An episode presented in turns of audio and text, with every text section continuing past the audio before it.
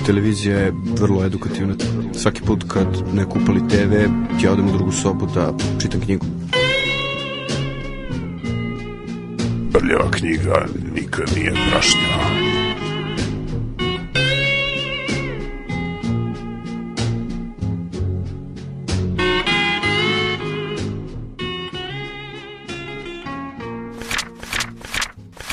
Polako ćemo da privodimo kraju današnju jubilarnu 42. Radio Galaksiju sa rubrikom, standardnom rubrikom, jedan pisac, jedna knjiga. Jeste. I sad mi se zove malo, ovaj, mada smo imali primjera i ranije na početku, ali odavno se nismo vraćali svetu poezije, da kažemo. E pa da, nismo nakon ovaj, skorije. Ovaj, nakon ovaj proze, evo malo i poezije, dakle, jedan od pisac koga e, svakako možemo preporučiti iz mnogo razloga, znači je Jorgo Seferis, ili Jorgo Seferi, punim imenom Georgije Seferijades, rođen 1900. godine e, u Burli, malo mesto pored Smirne u Maloj Aziji bitan faktor ovaj, koji je, iz koje je naravno otišao 1922. godine. Zapravo otišao je on i ranije, ali većina Grka otišla 1922. kada je se završio onaj grčko-turski rat, nesečni, nesečni iz razno raznih razloga. A Svaki rat je nesečni. Iz koje jeste, ovaj, jeste ovaj, onako je ovaj izvao veliko pomeranje stanovništva.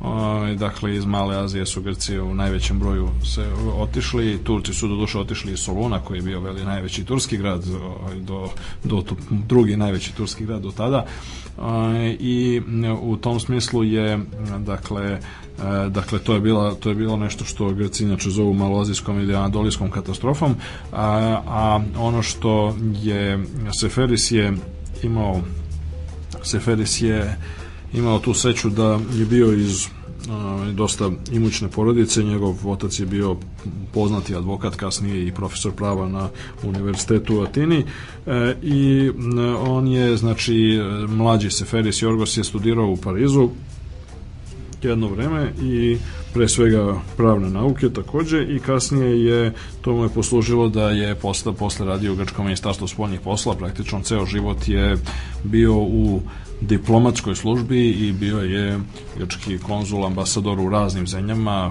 širom sveta i omogućilo mu je da to proputuje zemljama kao što su Egipat, Južna Afrika, Italija, Albanija i Velika Britanija. Na neki način vrhunac njegove karijere te diplomatske bilo je e, rad kao ambasadora u Velikoj Britaniji od 1957. do 1961. što je, u kojem je svojstvu dao značajan doprinos rešavanju, odnosno dekolonizaciji Kipra. To je bilo jedno, pitanje, jedno od pitanja koje je bilo vrlo delikatno u to doba i 1959. je napokon postignut sporazum.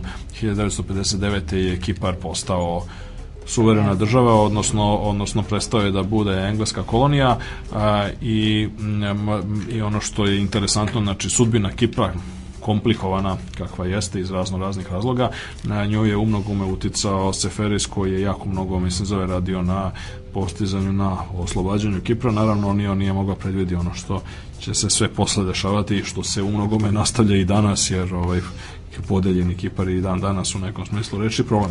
E, Seferis je e, znači radio kao diplomata, a pisao poeziju ovako u što bi rekli, trenucima slobodnog vremena, a boga mi i obimno eseistiku, njegovi eseji su nedavno objavljeni, mislim da je na, e, u četiri toma, nedavno je objavljeno jedno zajedničko izdanje na grčkom, a inače objavljeni su na brojnim jezicima širom sveta. On je za svoje književno delo i znači književno poetsko i eseističko dobio brojne nagrade na, na između ostalog počasne doktorate univerziteta kao što su Oxford, Cambridge, Princeton i mnogi drugi, a ta vrhunac njegove karijere naravno je dobijanje Nobelove nagrade za književnost 1963. godine. On je bio prvi Grk koji je dobio Nobelovu Aha. nagradu za književnost ili Nobelovu nagradu za generalno, mada mu se kasnije pridružio Odisej Elitis koji je 79, 1979. Ovaj, takođe, takođe dobio Nobelovu nagradu pre svega za svoju poeziju. A, e, ono što je zanimljivo jeste Seferis je na Seferiso nije napisao mnogo ovaj, pesama njegove, u principu njegovih šest ili sedam zbirki pesama koje je napisao pre svega poglavito tokom 1930-ih i 40-ih godina. Uh, a, ove su predstavljaju vrhunac njegovog dela, recimo njegova, njegov ciklus mitska istorija, odnosno kako je kod nas prevedeno mitska istorija, teško može bolje, znači mit istorima je reč koja je pa kao i mnoge stvari znači koje na neki način e, se E, drugačije u svom izvornom grčkom obliku nego što su nego što su sve druge reči koje su kasnije nakon toga nakon toga obično izvedene iz grčkih originala. To znači istovremeno i roman, mislim zove znači roman se na grčkom isto tako kaže, a zapravo e, on je insistirao na tome da znači njegova poezija nosi znači ono ukašta elemente i mitskog i istorijskog isto na onaj način na koji su to radili klasični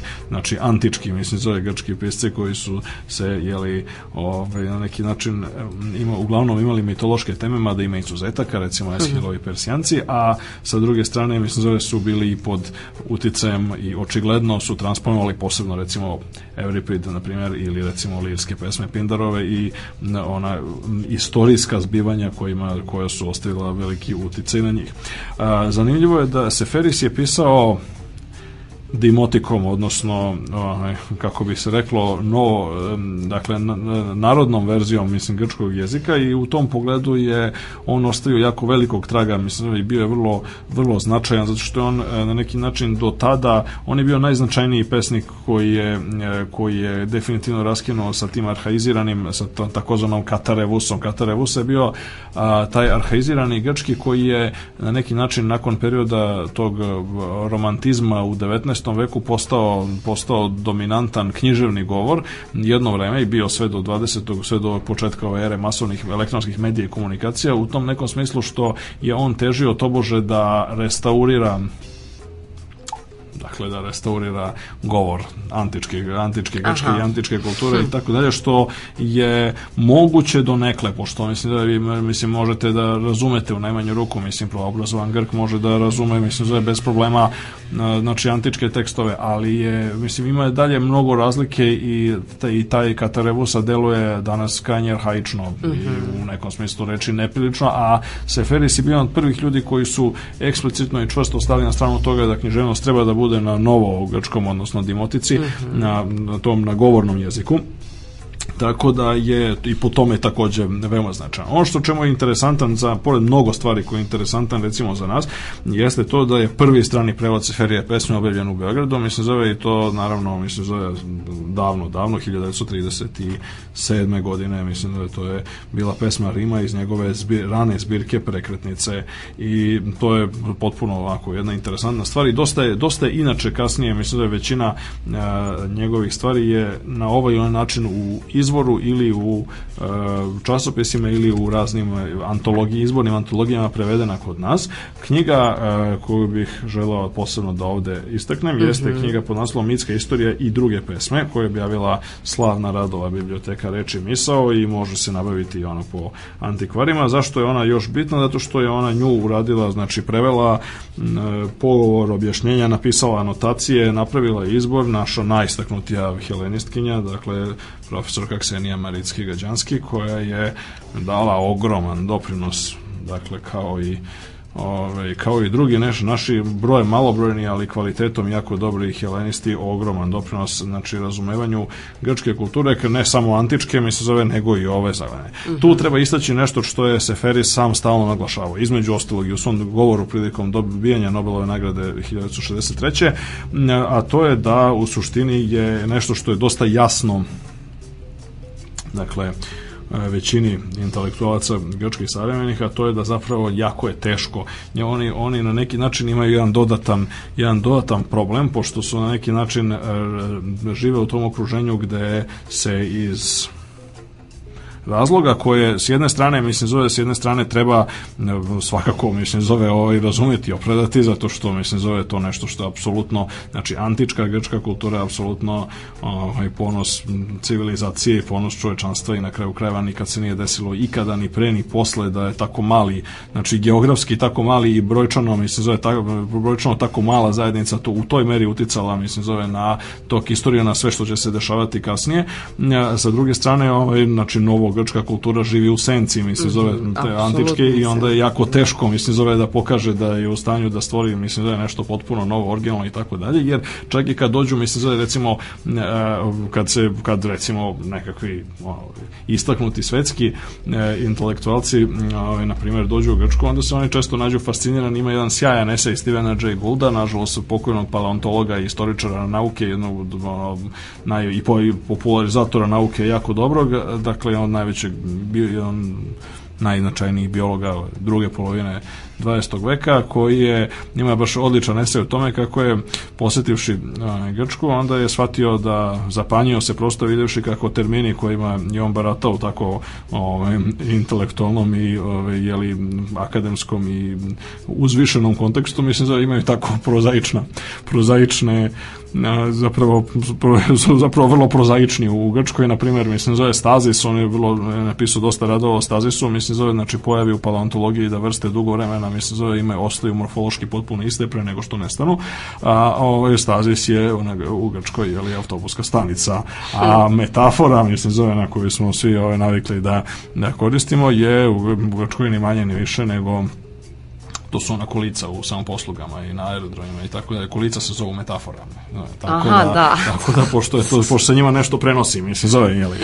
I sad, I sad on lepo kaže, eto, kaže, kako je to, koliko je to, mislim, zove, koliko je to, ono, kao veličina i snaga ono, te kulture, da zapravo neke najbanalnije stvari su zapravo tako prihvaćene i postale univerzalni deo univerzalnog rečnika, inače su onako prilično banalne i kad se bukvalno prevedu, mislim, da, nemaju tako veliki smisao. E, tako isto, mislim, da to, se, to je isto problem sa kojim se, znači, sa kojim se suočavaju savremeni e, ovaj grčki intelektualci stvaraoci kad hoće da stvore nešto sasvim novo. I a, Seferis je unogome to postigao, njegov njegov stih je vrlo interesantan, on je veoma težak za prevođenje. Gospođa Maritski Gađanski ovdje učinila stvarno veliki napor, ali je to generalno mislim zove jako teško i to je nešto što pa da, što, što predstavlja poezija. mislim zove posebno da. ovako izazov. A, e, on je bio inspirisan u mnogim mestima, mislim zove naravno antičkim uzorima kao evo za e, sam kraj mislim zove jedna pesma koja nosi naziv Asinski Grčki kralj, a ima kao moto, ima dve reči, bukvalno dve reči iz sine i tri tačke, to je deo iz,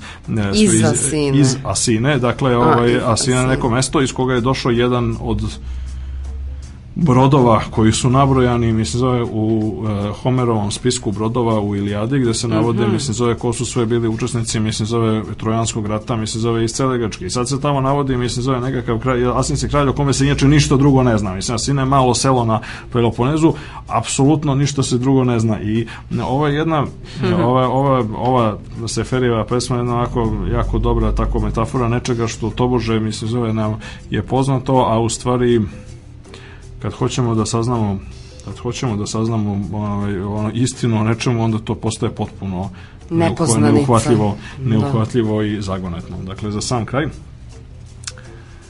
Asinski kralj. Ajmo. Celo jutro smo razgledali drevni grad, polazeći od strane u senci.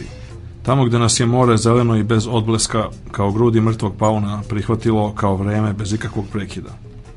Žile brda spuštale su se iz visine, loze ispreplitane ogoljene granate koje ožive na dodir vode, a oko ih je pratilo i nastojeći da izbegne to zamorno njihanje postepeno gubilo snagu. Sa sunčane strane žalo prostrano i dugo, a svetlost brusi dragulja na kiklopskom zidu nigde živog stvora i divlji golubovi otišli i asijanski kralj za kojim već dve tragamo godine nepoznat, zaboravljen od svih čak i od Homera tek jedna reč u Iliadi, a i ona sumnjiva bačena tu kao zlatna posmrtna maska dotakao si je, sećaš li se zvuka muklog na svetlosti kao zvuk čupa kad se iskopa iz zemlje isti je zvuk u moru od naših vesala asijanski kralj, praznina ispod maske svuda sa nama ispod imena iza sine, iza sine i njegovi dečački kipovi i njegove želje lepršanja ptica i vetar i prostorima njegovih misli i njegovi brodovi usidreni u danas iščezloj luci, praznina ispod maske. A pesnik okleva gledajući kamenje i pita se da li zaista postoji među ovim oštićenim linijama, rubojima, šiljcima, šupljinama i zavojima, da li zaista postoji tu gde se ukrštaju kiša, vetar i propadanje, da li postoji pokret lica i izraz nežnosti onih koji su tako čudno izgubili u našem životu, onih koji su ostali senke talasa, misli beskrajne kao more, ili ne, ništa nije ostalo osim težine, nostalgije za težinom živog bića tu gde smo sada, kao grane, žalosne vrbe, nagomilane u trajnom očaju. Pesnik Praznina Štitonoša je sunce